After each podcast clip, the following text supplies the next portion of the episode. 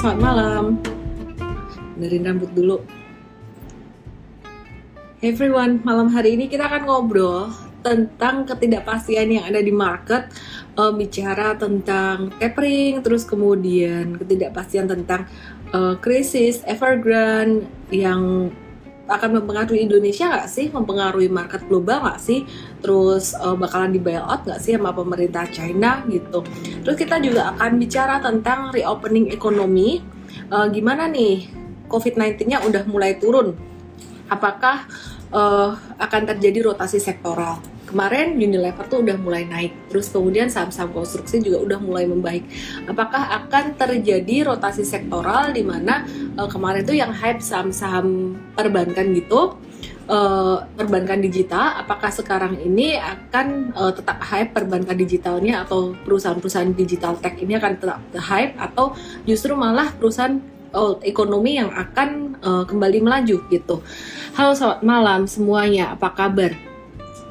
Eka Cipta G. Semoga nggak disconnect lagi kayak kemarin ya kemarin koneksinya parah ya semoga hari ini bagus-bagus aja ya koneksinya ya oke aku akan invite malam hari ini Pak Richard Suherman. Beliau adalah Head of Equity Research dari Sinarmas Asset Management. Tapi sebelumnya aku akan bahas dikit tentang teknikal saham ini itu. Malam kok lirih banget suaranya. Masa sih? Masa suaraku kecil? Rasaan ini suaraku lumayan kenceng dan lagi semangat ini ya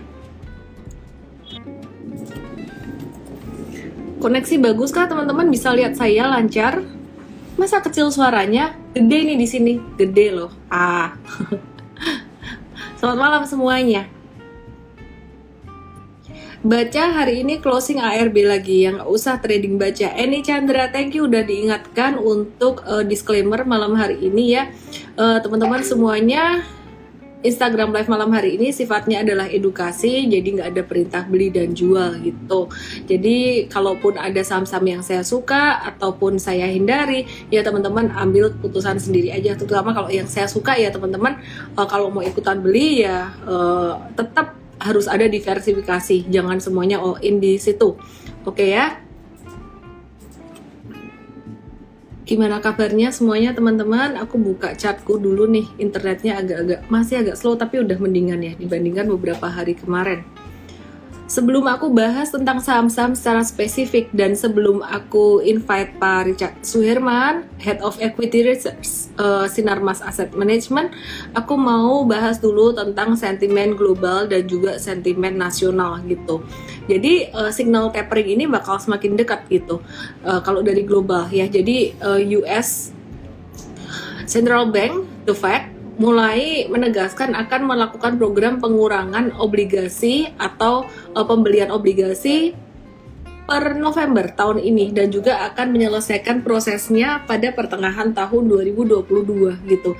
Jadi tapering ini bisa dimulai setelah pertemuan FOMC The Fed 2 sampai 3 November. Jadi be very careful dengan tanggal-tanggal tersebut. Uh, seharusnya sih market itu naik di bulan November Desember. Dan ini udah bottom banget banyak saham-saham yang mencapai level bottomnya dan berpotensi untuk menguat. Di mula, menguat itu mengalami uh, rebound ya mulai ada V atau U shape untuk recovery buat saham-saham yang jatuh itu September Oktober ini. Jadi November Desember harusnya udah naik, Januari harusnya udah naik. Cuman hati-hati dengan sentimen tapering ini sekitaran 2 sampai 3 November gitu. Jadi ya The Fed pun mengisyaratkan akan akan adanya kenaikan suku bunga lebih cepat dari yang diharapkan sebelumnya ya. Jadi uh, be very careful gitu karena ini kalau terjadi nanti bisa pengaruh ke market itu bakalan negatif. Nah ini yang nanti aku akan bahas dengan uh, Richard juga ya apa yang uh, jadi pandangan atau opini Pak Richard gitu.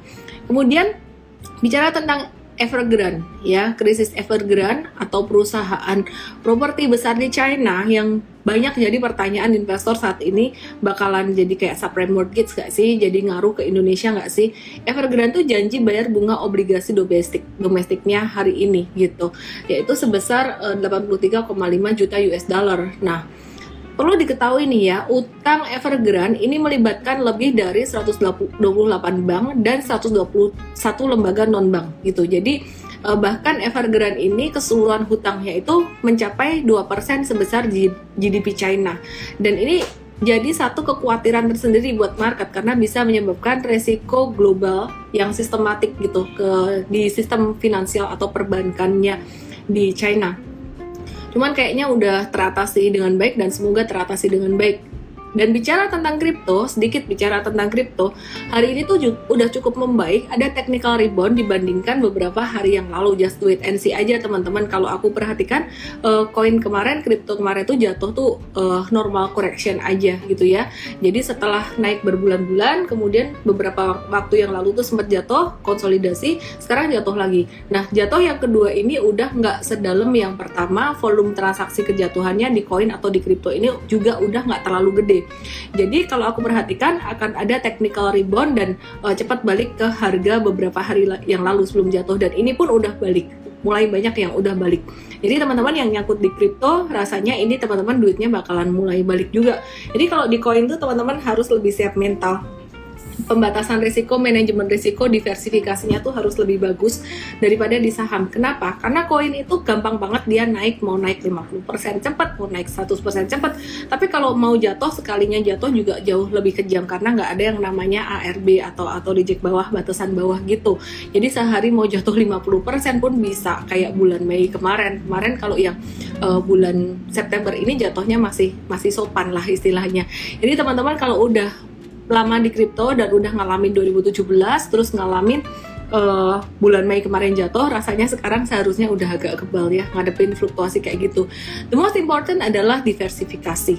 Ya nanti aku akan bahas uh, koin. Mungkin besok sih lebih spesifik untuk koin di Mtrade ini udah ada yang namanya coin briefing setiap hari Rabu jam 4 eh jam berapa ya? Setengah 7 kalau nggak salah. Dan hari Minggu jam 4 setiap hari Rabu setengah 7 dan hari Minggu jam 4 dan kita bekerja sama dengan uh, platform-platform uh, koin kayak Pintu, Toko Kripto dan eh, Sun tuh Indodax dan juga uh, Peluang. Sehingga teman-teman nggak cuma dapat analisis teknikal dari Mtrade aja tapi teman-teman juga akan dapat review fundamental atau review uh, update sentimen ya dari teman-teman semuanya. Andriku 89 jangan ditanya kenapa saham lagi turun yang ditanya antisipasi ketika harga turun itu ngapain? Itu yang bener. Ih pinter ya kamu ya. Oke okay. rekomendasi untuk aplikasi kripto hmm, I can do I cannot do that. Ya kalau teman-teman ngikutin aku tiap hari pasti ngerti kok aku pakai apa gitu. Teman-teman pasti tahu ya Terus kemudian konglomerat Indonesia itu mulai jajal bisnis aset, aset kripto. Nah, konglomerasi di Indonesia contohnya juga grup Salim ini juga udah menjajaki pinjaman bank senilai 500 juta US dollar untuk mendanai ekspansi infrastruktur digital termasuk data center gitu ya. Jadi jadi ini ini uh, satu hal yang sangat sangat menarik sekali ya um, nantinya data center grup Salim ini ini juga bakalan digunakan oleh para penambang cryptocurrency gitu. Terus grup Lipo ini juga sama. Grup Lipo ini udah duluan dibandingkan dengan grup Salim. Uh, grup Lipo ini dia ada berinvestasi di Luno. Luno ini adalah salah satu perusahaan asal London di Inggris yang memperjualkan memperjualbelikan aset digital seperti Bitcoin dan juga Ethereum pada 2018 kemarin gitu. Jadi dana yang dipakai oleh grup Lipo diinvestasikan ke sini itu sekitaran uh, 44, 35 juta US dollar. Jadi kalau aku ngelihat sebenarnya Lipo Group ini ekspansinya di sektor digital ini sangat bagus sekali, terutama di MLPL, terus kemudian uh, di MPPA ini juga udah mulai go digital kerjasama dengan Gojek terus kemudian juga uh, apa tadi apa itu ya satu lagi aku lupa satu lagi grup Lipo yang dia ada di data center juga. Ya besok dibahas di morning briefing oke okay ya Oke, yang menarik buat Indonesia perekonomian udah mulai jalan, anak-anak udah mulai boleh masuk ke mall lagi, nggak ada zona merah lagi, dan juga ini akan mendorong perekonomian banget. Ini yang aku bilang tadi tentang reopening. Nah, hari ini ada yang uh, hype yaitu saham Bukalapak. Saham Bukalapak ini masuk 5 indeks saham sekaligus yaitu LQ45, IDX 30, IDX 80, Jakarta Islamic Index J70 dan uh, mengeluarkan saham TKIM, SMRA, Link dan Akra ULTJ dari anggota indeks saham tersebut gitu. Karena Bukalapak kemarin juga kapitalisasinya gede dan uh, frekuensi perdagangannya cukup tinggi dan juga banyak diborong oleh investor asing gitu. Nah, jadi Bukalapak sebagai anggota dari IDX 30, LQ45, IDX uh, JI, IDX 80, JI 70 ini akan berlaku efektif mulai tanggal 29 September sampai Januari. Sorry, kalau yang JII Jakarta Islamic Index-nya itu 1 Oktober uh, yang efektif harusnya 1 Oktober itu bakalan jadi maju jadi 29 September sampai November gitu ya. Jadi kalau Jakarta Islamic Index tuh uh, reviewnya per 2 bulan. Tapi kalau LQ45 reviewnya per Oktober November. Iya, sekitaran 4 bulan gitu. 4 bulan sampai 6 bulan. Oke. Okay. Ya, jadi itu yang uh, bikin Bukalapak jadi lumayan atraktif ya hari ini ya. Aku coba mulai bahas secara teknikalnya sambil nanti aku akan invite Pak Richard Suherman. Bukalapak gimana? Bukalapak kalau diperhatikan ini sebenarnya udah mulai ada tanda reversal, reversal pattern double bottom gitu ya teman-teman. Ini udah mulai ada tanda reversal, cuman memang resisten kuatnya ada di resisten 945 ini, area 945 sampai 955. Kalau dia breakout, resisten berikutnya akan menuju ke 1045 uh, Entret sendiri belum ada rekomend buy di sini meskipun volume transaksi perdagangan hari ini cukup tinggi kita masih lebih fokus untuk mengurangi posisi buat Bukalapak kalau misalkan dia nanti naik gitu ya teman-teman terus um, kita mau review juga untuk saham IMJS. IMJS ini menarik, kenapa? Karena IMJS ini katanya bakalan ada kerjasama dengan Bukalapak gitu. Nah, jadi ini beda dengan ini beda dengan uh, saham Bukalapak yang trennya masih uh, di bawah gitu ya. Nah, untuk IMJS sendiri hari ini tuh pergerakannya lumayan volatile, tapi teman-teman kalau perhatikan di sini ini ada seperti flag, ada bentuk flag gitu dan uh, path-nya gimana? Dia bisa turun dikit sampai ke level 560 kemudian naik ke resisten 605 atau mungkin malah dia balik turun lagi ke level 535 dan naik sampai ke resisten uh, 600 gitu 600 sampai 60 610 nah nanti kalau dia udah breakout dari dari merah ini breakout dari 575 ini ini artinya dia breakout dari flagnya Terus dia masih akan menghadapi satu resisten lagi di 605 dan kalau breakout dari sini targetnya bakalan bisa sampai ke 700 disclaimer on juga ya teman-teman ya. Ades volume gede banget, let me check. Ya, itu tadi untuk IMJS. Jadi kalau banyak yang nanya ya kemarin waktu kita ada event dengan Bukalapak juga kita juga ada ngobrolin tentang ini. Bukalapak akan berpotensi untuk kolaborasi dengan grup Salim. Uh, pertanyaannya adalah apakah akan kerjasama dengan apakah akan kerjasama dengan IMJS atau enggak? Kayaknya sih kayaknya sih bakalan ada kerjasama yang meskipun belum dikonfirmasi gitu. PTBA Hmm. Sebelum aku cerita tentang saham-saham yang lain dan sebelum aku invite Pak Richard Suherman, teman-teman, ya ini banyak yang nanya MLPL, BBYB dan banyak saham yang lain. Harum kenapa tiba-tiba naik banget ya? Apakah boleh dikejar? Nggak usah dikejar kalau udah auto reject atas hari pertama kita lihat aja saham-saham yang serupa. Dia kan ada coal, ada nickel ya. Kita lihat aja nanti untuk saham-saham pertambangan, saham coal lainnya dan kemudian juga saham nikel kayak Inco, Tins dan lain sebagainya. Inco dan Antam sih, lebih ke Inco dan Antam gitu. Sedangkan kalau untuk uh, untuk coalnya sendiri kita lebih suka ITMG. ITMG itu ada pattern cup and handle yang bagus banget gitu. Uh, anyway, teman-teman, oh ya tadi yang aku lupa tuh namanya MLPT, perusahaan MLPT Multipolar Teknologi. Itu juga grup Lipo yang dia punya bisnis data center yang bagus banget gitu. Aku akan invite Pak Richard Suherman dari Sinarmas Asset Management. Dia adalah Head of Equity Sinarmas Asset Management. Halo Richard, how are you? Halo, halo, halo. Ya, ya mungkin kameranya bisa agak turunin dikit kali ya biar kamu bisa agak naik oke okay.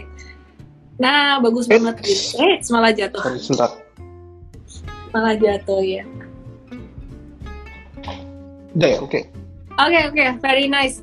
Uh, Richard, ini kita mau bicara tentang sentimen indecision di market, bicara tentang ketidakpastian tapering, terus uh, ketidakpastian di market resiko akan adanya tapering di bulan November nanti, terus kemudian krisis Evergrande di China ini bakalan terselesaikan dengan baik atau ngefek ke Indonesia dan juga kita mau lihat nih reopening ekonomi gimana. Tapi pastinya teman-teman, uh, Pak Richard Suherman bersama saya besok hari Sabtu bakalan ngebahas tema ini lebih detail lagi besok hari Sabtu pastinya ya dengan data-data yang lebih profound.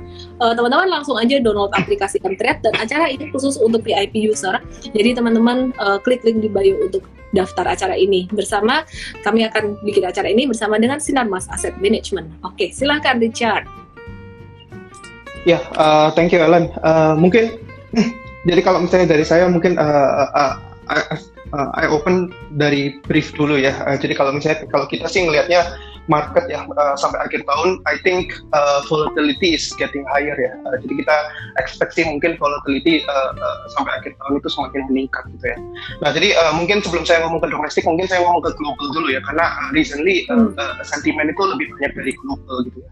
Kalau misalnya kita ngomong global ya, kalau kita ngomong global equity market uh, basically kita melihat satu tahun terakhir kita itu udah enjoy a very long bull run gitu kan ya. Uh, especially dari US market gitu ya dan beberapa global market lainnya gitu kan ya. Nah, uh, uh, kita sih ngelihatnya uh, basically easy money ini udah udah udah mulai berakhir gitu ya. Uh, ke depan uh, volatility ini bakal lebih tinggi gitu di mana ada beberapa resiko dan sentimen yang uh, yang uh, uh, yang basically bakal mewarnai lah sampai akhir tahun ya. Tadi si Alan udah mention ya beberapa ya.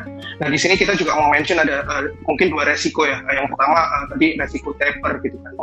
Nah uh, kalau kita lihat taper sendiri kalau misalnya kita lihat US inflation itu kan uh, sekarang benar-benar udah sangat tinggi gitu kan ya. Uh, although memang ini karena salah satu alasannya ada low base effect gitu ya tahun lalu rendah gitu kan. Jadi uh, inflationnya spike tinggi gitu ya sekarang di sekitar 45 persen gitu ya. Nah kalau kita lihat inflation uh, uh, dari monthly progressnya memang memang inflasi itu udah cenderung udah mulai turun gitu kan. Tapi nonetheless meskipun uh, monthly-nya udah mulai softening tapi tetap uh, sampai akhir tahun inflasi itu masih tetap tinggi ya di atas 4 persen. Kemudian expectation-nya next year itu masih di atas 3 persen. Kemudian baru nanti di 2023 inflation itu balik ke long term Fed target rate ya di dua persenan gitu kan. Hmm. Nah jadi ini bring up the question gitu loh, uh, inflation itu uh, apa definition transitory itu apa gitu kan? Kalau dulu mungkin transitory itu uh, mungkin sifatnya lebih lebih pendek gitu ya, mungkin enam bulan gitu. Tapi sekarang transitory itu uh, uh, artinya makin panjang gitu, bisa 12 bulan, 18 bulan ke depan gitu kan. Nah, jadi during that period gitu ya, uh, uh, seberapa comfortable gitu market dengan kondisi di mana inflation ini masih tinggi gitu ya. Uh, kalau misalnya uh, inflation proven to be less transitory, ini pasti akan shock ke market gitu kan. Nah, uh, nonetheless sih kita lihat uh, taper ini pasti akan terjadi gitu ya. Uh, potentially pasti uh, tahun ini uh, taper akan terjadi. Market consensus uh, ini sekarang ekspektasinya lebih dari 50% uh, dari market itu expect uh, taper itu bakal terjadi di bulan November gitu kan. Nah, uh, kalau impact dari taper uh, mungkin uh, partially udah price in ya, karena kan The Fed udah mention plan mereka untuk taper itu udah dari dua bulan terakhir gitu ya. Uh, the Fed udah prepare the market bahwa taper itu uh, sooner or later bakal terjadi gitu kan. Nah, jadi mungkin kalau kita sih ngelihatnya fokus ke depan dari investor itu lebih ke arah uh, dot plot dari uh, Fed members gitu ya. Kalau sekarang kan market consensus, uh, sorry dari Fed member kan konsensus konsensusnya ngelihatnya tahun depan uh, rate itu bakal naik satu kali gitu kan. 2023 naik dua kali gitu kan. Nah tapi uh, uh, kita lihat uh, kalau misalnya teman-teman perhatikan ya uh, monthly meeting dari the Fed itu uh, uh, uh, makin makin banyak makin banyak Fed member itu yang uh, mereka punya stance itu berubah gitu makin hawkish gitu jadi more Fed members itu uh, uh, melihat uh, ini inflasi bisa uh, uh, lebih less transitory gitu. Jadi ada resiko dari sisi inflasi gitu. Jadi kita lihat kalau uh, uh, tren-tren dari dari dot sendiri itu semakin meningkat gitu. Nah kita rasa ini belum fully priced by the market gitu. Jadi kita lihat ini ini something to uh, uh, uh, untuk dilihat lah selama selama beberapa bulan ke depan gitu kan. Hmm. Nah uh, kalau Sorry, kalau kita lihat uh, ya, Richard, sorry, ya. mungkin sebelum dilanjutkan mungkin nggak usah pakai headset atau gimana ya. Ini kayaknya banyak feedback suaranya kurang kurang jelas. Tapi kok di gitu ya? jelas-jelas aja ya. Nggak tahu ini banyak feedback. Atau saya... Bilang, sorry ya, saya bawa ini. Coba saya ganti headset. Coba saya ganti headset aja kali ya.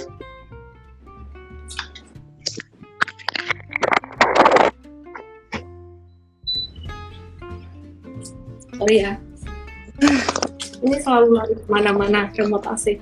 kalau ini better nggak ya? Ada yang bilang jelas, di aku sih jelas. Kalau ini better nggak ya? Iya, iya lebih baik, lebih baik itu. Oke, okay. ya coba uh, pakai ini ya.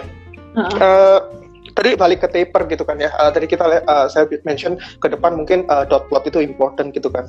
Nah terus ya uh, basically kita lihat kan uh, uh, apa uh, selama satu tahun terakhir itu kan the Fed uh, quantitative easing mereka pump liquidity gitu kan ke market. Nah and all those liquidity itu kan lari ke equity market gitu ya, yang menyebabkan uh, uh, US equity itu rally gitu kan ya. Valuation udah stretch gitu ya sekarang udah di plus satu standard deviation gitu. Nah ya kita lihat kalau misalnya monetary policy-nya itu normalize, ya harusnya bakal ada impact juga ya ke valuation-nya ya. Valuation juga bakal normalize gitu ya. Jadi kita lihat volatility definitely bakal rising gitu kan. Nah, uh, jadi kalau misalnya uh, eh, US stocks let's say uh, taper happen kemudian uh, uh, rising rate udah mulai terjadi ya. Uh, uh, and then US market correction gitu kan. Pertanyaannya apa apa impact-nya gitu ke IISG gitu kan. Nah, kalau kita sih ngelihatnya untuk IISG sendiri, uh, kita agree sih dengan most opinion ya. Uh, kita melihat uh, this time around taper itu impact-nya nggak akan separah dengan tahun 2013 gitu ya. Waktu itu kan uh, taper juga pernah terjadi ya, 13 uh, correction kita cukup dalam gitu ya. Karena memang fundamentally ekonomi kita udah different gitu dengan dulu ya. Uh, in terms of our uh, deficit sama kita punya foreign reserve itu jauh lebih baik gitu kan. Nah, kemudian juga ada beberapa orang yang argue gitu kan. Uh, kalau dulu taper di tahun 2013 itu diawali dengan foreign inflow yang masif gitu selama lima tahun gitu kan. This time uh, lima tahun terakhir kalau dilihat foreign inflow itu uh, sebenarnya nggak nggak nggak banyak gitu uh, lima tahun terakhir uh, mungkin foreign inflow-nya net net uh, uh, neutral gitu lah nggak nggak nggak banyak inflow gitu. Nah cuma uh, mungkin one thing yang saya mau highlight uh, uh, nanti mungkin Sabtu lebih detail ya karena ada chartnya di sini saya nggak bisa show chartnya gitu. Tapi uh, uh, uh, kalau menurut saya sih kita nggak boleh simply cuma lihat dari net foreign flow ya karena uh, kita harus lihat uh, mereka punya investment itu selama 10 tahun terakhir itu kan uh, uh, pasti ada perubahan dari sisi market value gitu kan. Nah kalau misalnya dilihat dari perubahan investment dari market value sebenarnya 10 tahun terakhir itu uh, uh, foreign investment holding di Indo itu mengalami kenaikan yang cukup tinggi gitu. Jadi jadi saya rasa even taper terjadi pun pasti itu ada impact ke kita gitu. Walaupun mungkin nggak sedrastis tahun 2013, but definitely itu bakal ada impact ke kita ya. Uh, uh, potentially ya mungkin kita bisa kena volatility itu gitu. Nah jadi uh, what I what what what I I'm trying to say sih basically ya kita lihat dengan uncertainty yang mas sangat tinggi ini I think money management become very important ya. Uh, I think kita uh, uh, as an investor kita perlu punya cash reserve ya. Jadi kalau misalnya correction uh, uh, terjadi volatility happen I think itu bakal provide a good time untuk kita entry ke market lagi gitu kan. Nah uh, mungkin itu yang resiko pertama gitu ya. Resiko kedua kalau misalnya uh, uh, saya boleh continue ya, uh, itu yang tadi uh, Ellen juga bilang ya, uh, which is salah satu properti terbesar di China kan Evergrande uh, uh, hmm. recently kan uh, mereka mereka put, uh, debt potentially bakal default gitu kan. Nah jadi kan banyak yang nanya ini impactnya gimana gitu kan. Uh, kalau dari kita sih ngelihatnya uh, kan banyak yang nanya ya, uh, apakah uh, Evergrande ini bakal jadi kayak housing bubble 2008 atau bakal jadi Lehman Brothers gitu kan? Kalau kita sih ngelihatnya uh, seharusnya ini nggak akan terjadi ya, uh, harusnya ini nggak kayak 2008 ya Lehman Brothers, uh, simply karena uh, uh, Evergrande ini bukan financial institution gitu kan, mereka is a property company gitu kan, jadi uh, kalau mereka collapse, uh, domino efeknya itu nggak sebesar kalau financial institution gitu kan, karena uh, aset mereka itu ya ya real asset gitu berupa property investment gitu kan. Nah jadi I don't think ini bakal collapse that huge. Cuma yang sekarang masih uncertain menurut saya itu spillover effect-nya yang ini yang perlu kita perhatikan gitu kan. Kalau misalnya kita lihat uh, balance sheet-nya Evergrande, mereka kan punya liabilities uh, debt debt debt mereka itu kan about 300 billion gitu kan. Nah, uh, definitely bondholder itu bakal suffer losses, uh, equity holder itu mungkin bakal wipe out gitu kan. Nah, tapi kalau misalnya kita lihat balance sheet mereka lebih detail, liabilities mereka itu lumayan besar uh, selain dari borrow, debt borrowing, mereka itu punya payables itu besar gitu kan. Nah, jadi kalau company ini collapse, uh, ini impactnya ke vertical uh, horizon uh, verticalnya mereka punya uh, sektor maksudnya kayak ke supplier suppliernya nah ini yang masih belum bisa dikuantify gitu kan. Impact ke ke, ke supplier suppliernya ini gimana gitu kan. Kemudian hmm. yang kedua kalau misalnya mereka punya bond default kemudian mereka have to repay the bond kan mereka harus liquidate liquidate aset mereka kan. Nah aset-aset mereka ini kan berupa property gitu kan ya. Mereka bisa jual property itu gitu kan. Nah tapi kalau mereka need to liquidate fast uh, it means mereka harus jual properti mereka at a discount gitu kan. Nah kalau mereka jual uh, properti mereka at the discount itu kan artinya property prices di China bisa turun kan. Nah structurally uh, China itu uh, investment uh, uh, apa namanya population di China itu banyak sekali di properti gitu kan.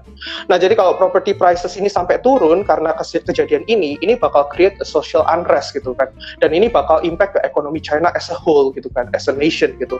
Nah itu yang bahaya.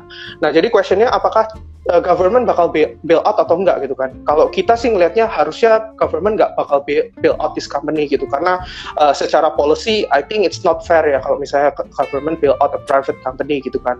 Nah cuma restructuring itu bakal terjadi uh, I think uh, sooner or later bakal ada restructure uh, dan government bakal support itu nah uh, kapan government bakal intervene kita ngeliat uh, uh, I think uh, batasnya itu ya kalau misalnya sampai property price itu mulai mengalami penurunan, I think at that point uh, government bakal intervene gitu karena kalau misalnya sampai jatuh property prices itu impactnya sangat besar dan kalau misalnya ekonominya uh, kena ya itu uh, impact ke globalnya besar gitu apalagi ke Southeast Asia gitu kan yang kita uh, ekonominya banyak bergantung ke mereka. Hmm, Oke. Okay. Nah jadi itu ya. Sebelum dilanjutkan ya. lagi ya, sebelum dilanjutkan ya hmm. Richard, ini mungkin teman-teman pemula banyak yang mereka masih belum terbiasa dengan beberapa istilah finansial atau ekonomi, kita akan coba cang down dulu nih uh, apa yang tadi kita bahas gitu. Bicara tentang kebijakan The Fed ya yang uh, bakalan melakukan uh, tapering di bulan November nanti. Bicara tentang definisi tapering dulu lah. Mungkin banyak teman-teman di sini yang nggak ngerti tentang tapering gitu ya. Jadi tapering tuh di sini uh, artinya tapering itu adalah pengurangan stimulus teman-teman. Jadi ketika kemarin terjadi krisis uh, karena pandemi COVID-19 di Amerika tuh banyak banget kasih stimulus. Nah caranya kasih stimulus gimana? Caranya kasih stimulus adalah dengan melakukan Bank Sentral melakukan uh, pengelontaran uang, caranya tuh dengan salah satunya pembelian obligasi milik negara. Nah, dengan dapat duit dari obligasi inilah, maka negara atau pemerintah itu bisa meng, me, menyalurkan duitnya ke masyarakat dalam bentuk istilah kata tuh BLT lah baik di Indonesia ataupun di Amerika itu itu ada yang namanya BLT gitu. Nah sekarang tuh tapering bakal dilakukan di November ini uh, artinya nggak akan ada pembelian obligasi lagi secara bertahap sampai pertengahan 2022 dan hal, ini artinya bahwa uh, pemerintah Amerika tuh juga nggak akan bakal dapat aliran uh, duit atau stimulus lagi dari dari si The Fed ini. Kira-kira kayak gitulah gampangnya. Uh, dampaknya apa? Dampaknya ya aliran duit ke masyarakat juga pastinya jadi berkurang. Nah tapi kalau menurut uh, menurut kita ya menurut kami ya uh, apakah hal ini tuh sangat berdampak signifikan atau enggak? Kita lihat dulu likuiditas uang, likuiditas itu banyaknya uang di yang mengalir di masyarakat saat ini tuh gimana di Amerika? Ternyata tuh sangat liquid sekali, duitnya banyak tapi kayaknya tuh nggak terlalu banyak digunakan untuk uh, berbelanja atau apa pun gitu loh terus malah jadi digunakan untuk investasi, untuk uh, untuk trading juga makanya investor retail di Amerika tuh juga jadi booming banget termasuk di Indonesia juga. Nah, itulah yang disebut dengan likuiditas. Likuiditas itu sangat besar sekali di Amerika. Demikian pula di Indonesia jadi uang yang yang mengalir di masyarakat karena uh, dibantu oleh pemerintah gitu. Nah, terus terus uh, hal itulah yang disebut tadi dengan monetary policy. Disebut uh, oleh Richard tadi disebut dengan monetary policy salah satunya itu. Kemudian juga uh, penurunan suku bunga yang sangat sangat rendah sekali itu termasuk salah satunya gitu. Nah jadi uh, kalau monetary policy ini udah mulai diperketat lagi ya jadi pasti akan berpengaruh ke uh, perekonomian juga. Dan nggak nggak orang kalau di saham sih investor saham nggak suka itu karena pasti duit yang masuk pasar saham itu juga akan uh, berkurang dan juga uh, ya likuiditas uang di masyarakat berkurang pasti akan berpengaruh juga ke sektor real. Nah jadi itu yang kita harus hati-hati dengan volatilitas di market di bulan November nanti. Apa yang harus dilakukan? Banyak yang nanya nih bakalan dilakukan apa sih? Uh, bakalan kita melakukan apa sih di bulan November nanti? Uh, seperti yang aku bilang tadi ya, kita tetap trading aja, kita uh, harus tetap berhati-hati, diversifikasi. Jadi kalau di M-Trade sih kita bisa kasih tahu beli jualnya tuh gimana gitu. Sedangkan kalau untuk investasi jangka panjang gimana? Investasi jangka panjang sih fokus pada perusahaan-perusahaan yang bagus dengan valuasi murah dan juga uh, pastinya dengan uh, harga yang terdiskon juga. Contohnya saat ini BRI ini lagi murah-murahnya kalau teman-teman mau investasi ini masih bisa untuk masuk-masuk gitu. Saya rasa harganya udah sangat murah sekali. Dan yang terpenting adalah aset alokasi atau diversifikasi itu tadi. Jangan all in, cash is the king. Itu intinya. Nah, bicara tentang tapering ya, bicara tentang tapering nih. Tadi Richard ada bilang bedanya di 2008 sampai 2013 dengan tahun 2020 sampai 2021 ini uh, waktu itu foreign inflow itu tuh masif banget di 2008 sampai 2013 sehingga tapering 2013 waktu itu uh, jadi ketika dilakukan tapering sahamnya langsung jatuh langsung berdampak banget. Sedangkan saat ini tuh foreign inflow nggak terlalu masif. Foreign inflow tuh artinya apa teman-teman? Foreign inflow tuh artinya adalah uh, banyaknya uang dari investor asing yang masuk ke negara tersebut gitu ya, yang masuk ke Amerika. Banyaknya kalau di Indonesia foreign inflow Indonesia ya banyaknya uang yang masuk ke Indonesia dari investor asing gitu untuk berinvestasi di Indonesia. Nah, yang aku mau tanya nih Richard, bicara tentang foreign inflow, ini tadi yang Richard masuk eh, yang Richard maksud itu foreign inflow masif itu di US atau di Indonesia. Kalau aku lihat sih Indonesia kayaknya nggak nggak terlalu uh, masif ya di tahun ini. Dan Richard tadi juga ngomong hal yang sama, yang masif itu dulu 2008 sampai 2013. Nah ini bicara foreign inflow tuh di Indonesia atau di US tuh yang pertama. Kemudian yang kedua, apa sih hubungannya? Teman-teman uh, pemula semuanya pasti bertanya-tanya nih, apa hubungannya sih foreign inflow di Amerika? Foreign inflow baik di Amerika maupun di Indonesia ini dengan dampak dari tapering. Mungkin tadi masih banyak yang belum ngerti. Mungkin agak pelan-pelan dikit karena teman-teman di sini masih okay. belajar gitu. Iya iya, eh, oke oke oke, saya slow down juga. Uh, jadi yang tadi yang saya maksud foreign inflow itu lebih ke Indonesia ya. Jadi uh, dulu kan 2008 3, 2008 sampai 13 itu kan uh, kalau nggak kalau teman-teman ingat itu commodity boom gitu kan. Jadi waktu itu banyak banyak foreign inflow itu masuk ke ke emerging countries gitu, salah satunya Indonesia gitu kan. Nah ketika taper terjadi yang tadi uh, Ellen cerita itu ada pengetatan likuiditas, itu pasti ada yang namanya capital outflow gitu ya, uh, karena uh, karena karena taper terjadi uh, likuiditas mengetat, uh, capital itu ditarik balik lah istilahnya gitu. Uh, yang dulunya diinvest ke emerging market sama mereka beberapa investor itu tarik lah duit investasi mereka. Nah ketika duit itu keluar, artinya kan uh, aset di Indonesia itu harus dijual gitu ya. Ini kita uh, talking about saham gitu kan. Nah jadi ketika uh, uh, mereka jual saham, otomatis kan harga saham kita turun gitu. Nah itu yang terjadi dulu pas 2013. Nah this time uh, uh, saya bilang fundamentally memang kita different. Uh, kita punya ekonomi itu jauh lebih baik daripada dibandingkan dengan 2013 gitu ya. Uh, defisit kita udah jauh lebih rendah, kemudian kita punya foreign reserve itu uh, uh, uh, uh, udah tinggi gitu. Ini dua hal ini very important gitu karena uh, ini yang menjadi determinan dari currency kita. Kalau misalnya taper terjadi liquidit uh, pengetatan likuiditas di dolar, kalau currency kita weak itu yang menyebabkan uh, uh, rupiah kita itu lemah gitu. Kayak waktu itu 2013 kan rupiah kita spike kan. Nah, itu yang menyebabkan kalau foreign investor kan nggak suka kalau currency-nya volatile gitu kan. Jadi mereka uh, tarik seluruh investasi mereka gitu. Nah kalau fundamental kita strong, currency kita masih uh, terkontrol, mungkin uh, mungkin mereka masih willing to invest di kita. Nah itu mungkin some of the things yang harus diperhatikan gitu kan. Uh, uh, tadi pertanyaan kedua apa? Uh, udah terjawab belum ya? Uh, Iya, tadi pertanyaannya bicara tentang uh, efek dari ini aja sih, apa namanya foreign inflow, dampak dari apa namanya kaitannya foreign inflow dengan dampak dari tapering itu tadi. Tadi udah dijawab. Oh ya, hmm. ya gitu. udah terjawab ya. Hmm. Hmm, hmm.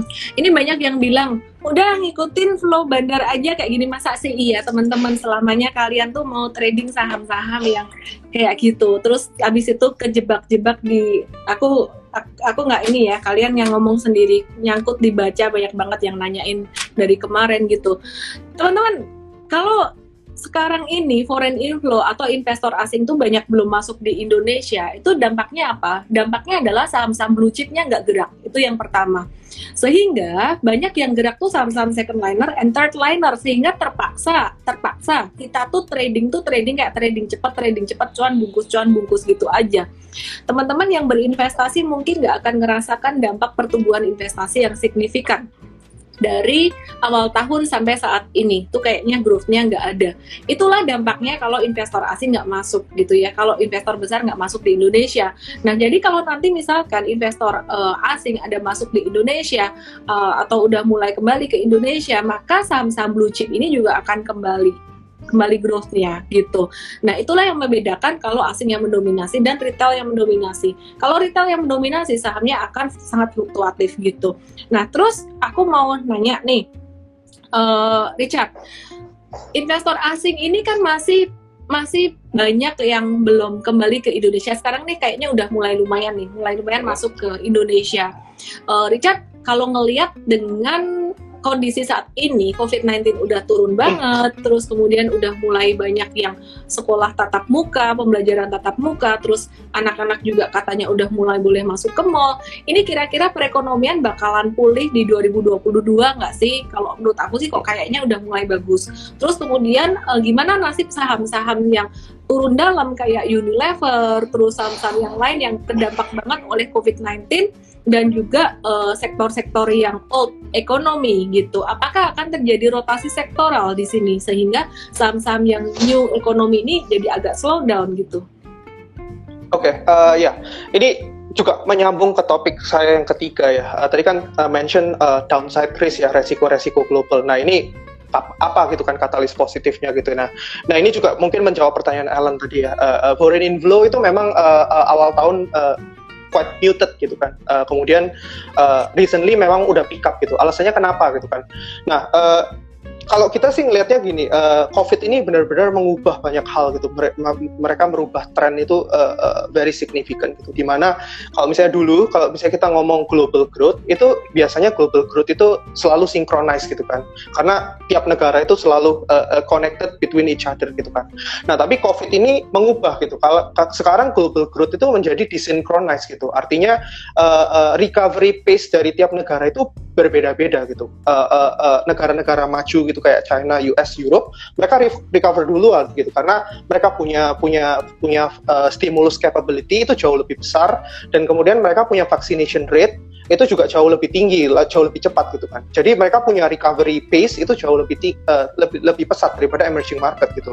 Kayak US GDP growth uh, uh, first half kan tinggi sekali gitu, high single digit gitu. Sedangkan IM IM struggle gitu kan. Jadi uh, itu very reasonable gitu. Kenapa foreign masih melihat IM countries itu nggak menarik gitu kan. Nah tapi this time itu story-nya berbalik gitu kan. Kalau kita lihat develop market itu justru sekarang secara momentum itu udah mulai slow down gitu kan. China kita lihat udah ekonominya udah start to slow down gitu. Beberapa sektor udah mulai kena impact gitu kan. Kemudian US juga sama. Kita lihat secara recovery momentum mungkin mereka sekarang udah di peak gitu ya. Ke depan earnings growth mereka bakal slow down. Mereka punya uh, eh, GDP outlook juga uh, uh, trennya dua tahun ke depan itu menurun gitu kan. Nah, uh, in the meantime justru EM countries ini yang malah sekarang masih di early stage terhadap terhadap recovery phase gitu kan karena kita punya uh, vaccination progress itu kan baru ramp up dua bulan terakhir gitu kan jadi kita ini uh, emerging market terutama Indo itu justru kita sekarang baru kerasa gitu kan. Recovery momentum kita itu baru kerasa gitu kan.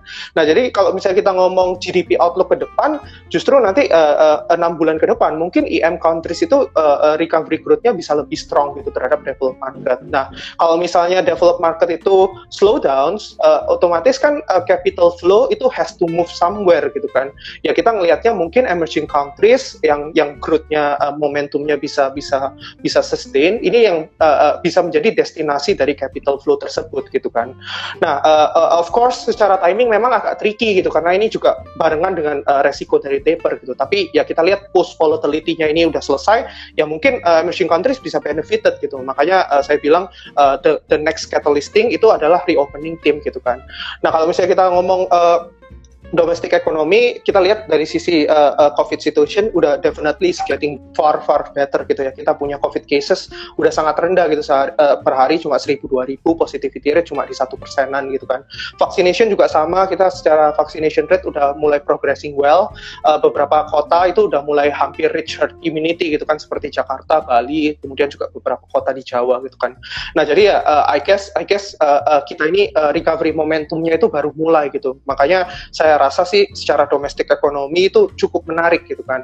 Hmm. Nah ya which is ini bring to my conclusion gitu ya. Kalau misalnya ngelihat tren yang tadi saya udah bahas semua, uh, I guess uh, uh, kita lihat mungkin yang menarik di kondisi sekarang itu adalah sektor-sektor yang uh, uh, uh, saya, saya uh, yang mungkin menarik untuk teman-teman perhatikan itu adalah cyclical sector yang yang quite laggards gitu kan, yang secara valuasi udah discounted gitu. Tapi teman-teman harus juga fokus ke sektor sektor-sektor yang mereka itu benefited gitu dari reopening tim ini. Uh, uh, sektor-sektor yang mereka punya earnings itu driven by mobility uh, activity gitu. Uh, uh, saya rasa uh, fokus ke depan investor itu bakal bakal bakal balik ya ke fundamental ke bottom up uh, uh, which company yang bisa deliver earnings growth gitu kan. Nah uh, kemudian kalau misalnya kita lihat uh, secara year to date kan juga GCI itu year to date mungkin sekitar plus 1-2 persen gitu kan. LQ uh, itu turun sekitar 7-8 persen gitu kan year to date. Nah jadi saya rasa uh, secara valuation gap itu sekarang sekarang udah sangat lebar gitu ya uh, antara big caps kita sama uh, GCI gitu. Makanya uh, uh, saya rasa sih dengan kondisi sekarang I think value stock ini cukup uh, atraktif gitu kan. Uh, uh, uh, balik lagi ya. Jadi kalau misalnya tadi saya bilang ya mungkin beberapa sektor yang menarik uh, yang yang apa ya correlate dengan domestic uh, mobility dan domestic ekonomi ya mungkin seperti sektor perbankan, sektor uh, uh, properti, kemudian high end high end consumer discretionary itu juga menarik. Nah, on the other hand, uh, tadi kan saya mention uh, beberapa resiko global gitu ya. Jadi mungkin uh, kalau kita sih ngelihatnya mungkin sektor-sektor yang yang punya exposure ke global besar, mungkin seperti sektor komoditi. Nah, itu mungkin uh, uh, menjadi uh, sektor yang perlu perlu hati-hati lah, lebih hati-hati ya kalau kita lihatnya. Ya mungkin itu sih.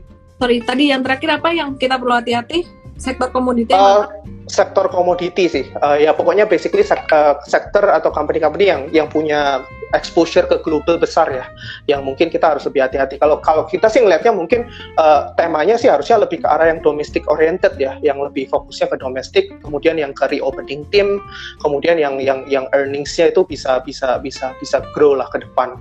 Nah mungkin fokus ke sana kalau kita ya lihatnya. Hmm Interesting banget. Oke, okay, sebelum aku mau ulas apa yang Pak Richard ngomongin tadi, aku mau bahas beberapa komen dulu. Lo ngikut bandar boleh, yang penting money management. Ha, uh, ya, jangan ngomong ikut bandar kali ya. Uh, ngikut flow di market gitu ya, ngikut demand di market uh, sekarang lagi di saham apa. Mtrade pun akhir-akhir ini ada nge scalping juga kok. Ya tadi kita nge scalping IMJS, kemarin kita nge scalping Trim gitu dan uh, cuannya lumayan. Yang penting money management betul, betul ya. Oke, tapi jangan ikut bandar dong. Kita ikut flow di market caranya pakai analisis teknikal.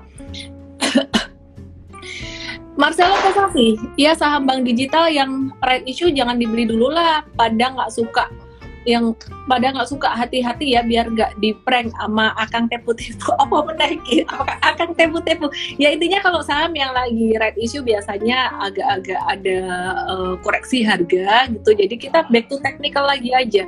Terus kemudian yakin bandarnya mau diikutin dibanding lo nanti kita ngikutin flow di market itu ngikutin secara teknikal aja. Mana yang breakout dengan volume tinggi dan harus lihat likuiditas. Likuiditas penting banget.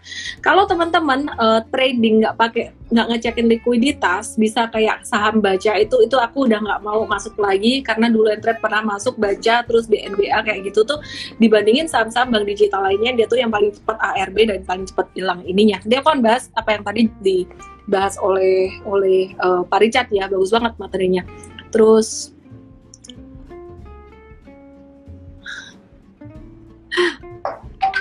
apa sih? Untuk swing menjelang Fed bagusnya short term aja ya. Tergantung sahamnya tergantung sahamnya. Bye bye baca. Cian kok mirip Siskaku oh apa sih komen nih Bentar ya, aku cari tadi ada satu komen yang bagus banget. Ini dia, Dian Cundoko.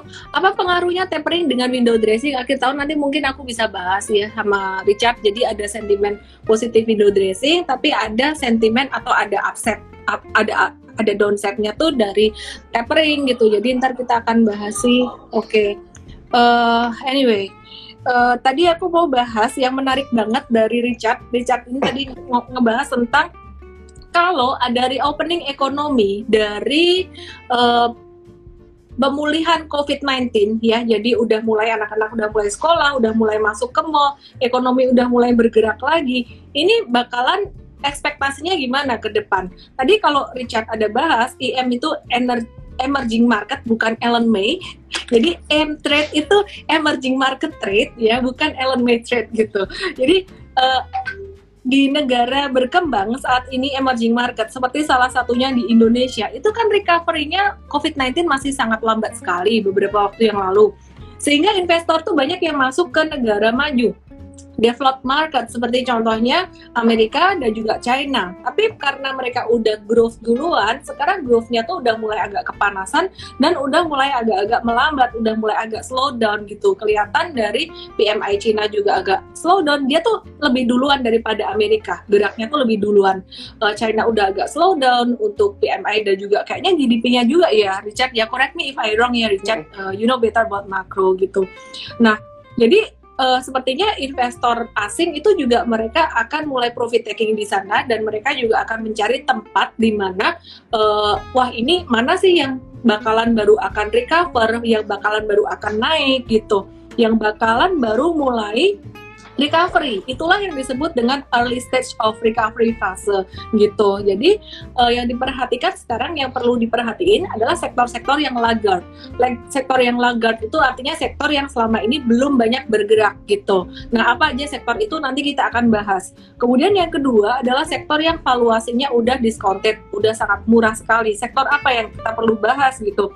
Kemudian yang ketiga adalah sektor yang uh, secara earningsnya, secara pendapatan dia dan juga labanya itu itu dipengaruhi ya akan mendapatkan dampak positif dari mobilitas masyarakat gitu.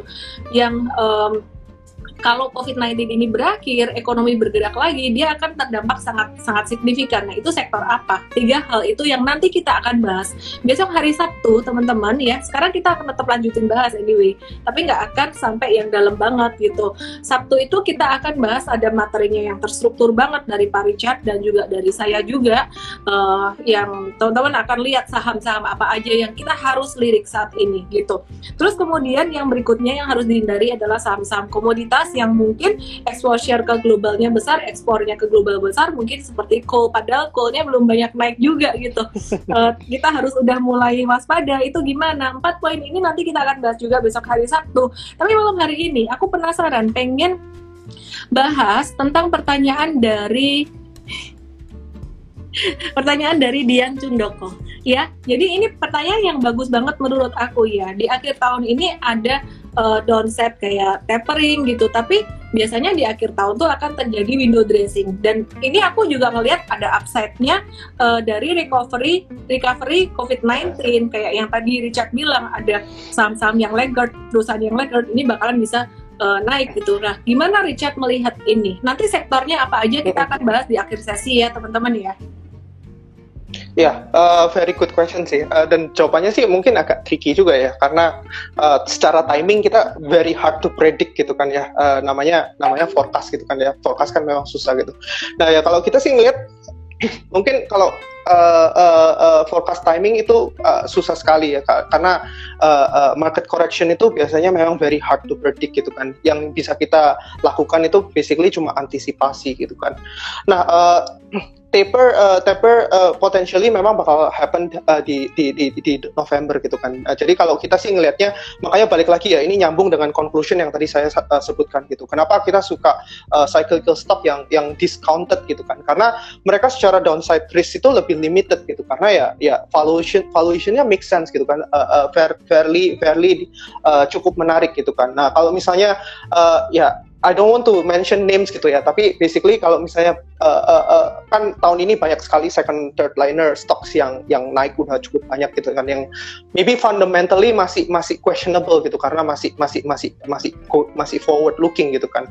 Nah tapi valuationnya udah overly stretch gitu kan. Nah ya kalau misalnya disuruh pilih between those two sectors ketika kita harus menghadapi taper gitu kan.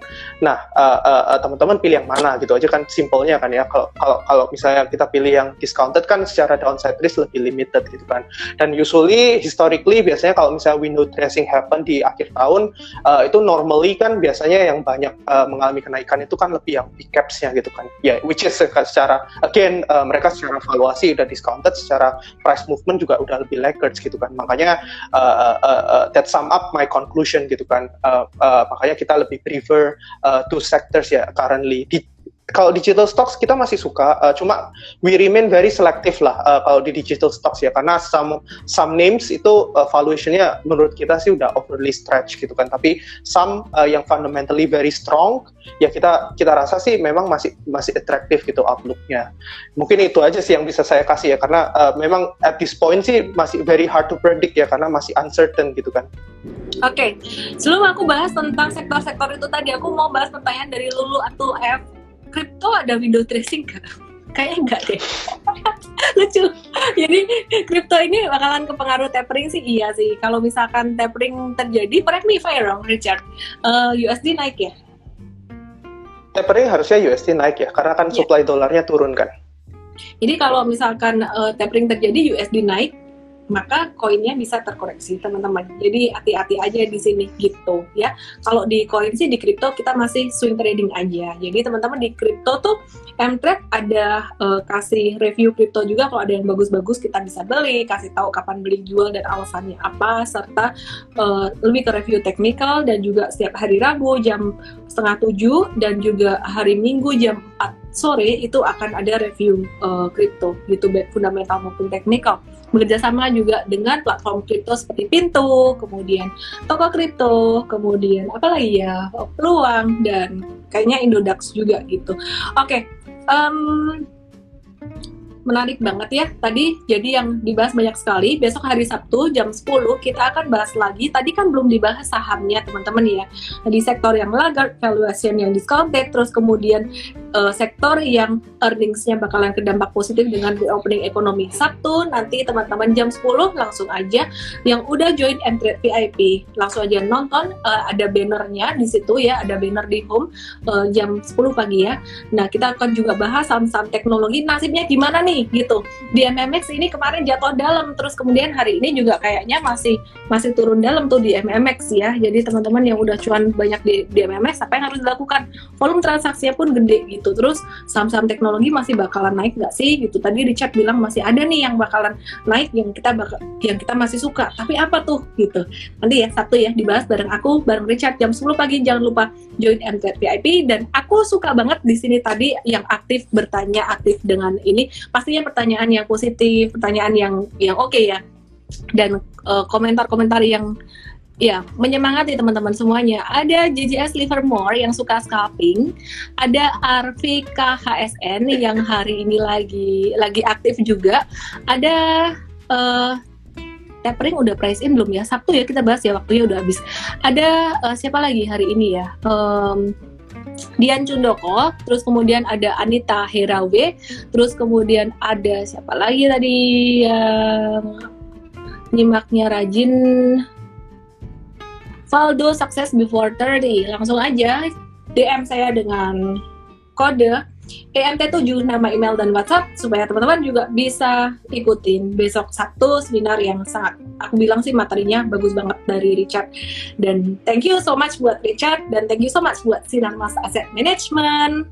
Uh, stay healthy semuanya. Salam profit. Thank you Richard. Thank you thank you thank you semua. Jangan lupa berinvestasi di Sinar Mas Asset Management ya teman-teman. Saya nggak ada kerjasama apa pun, tapi teman-teman mulailah berinvestasi juga saham dan juga reksadana diversifikasi. Bye-bye.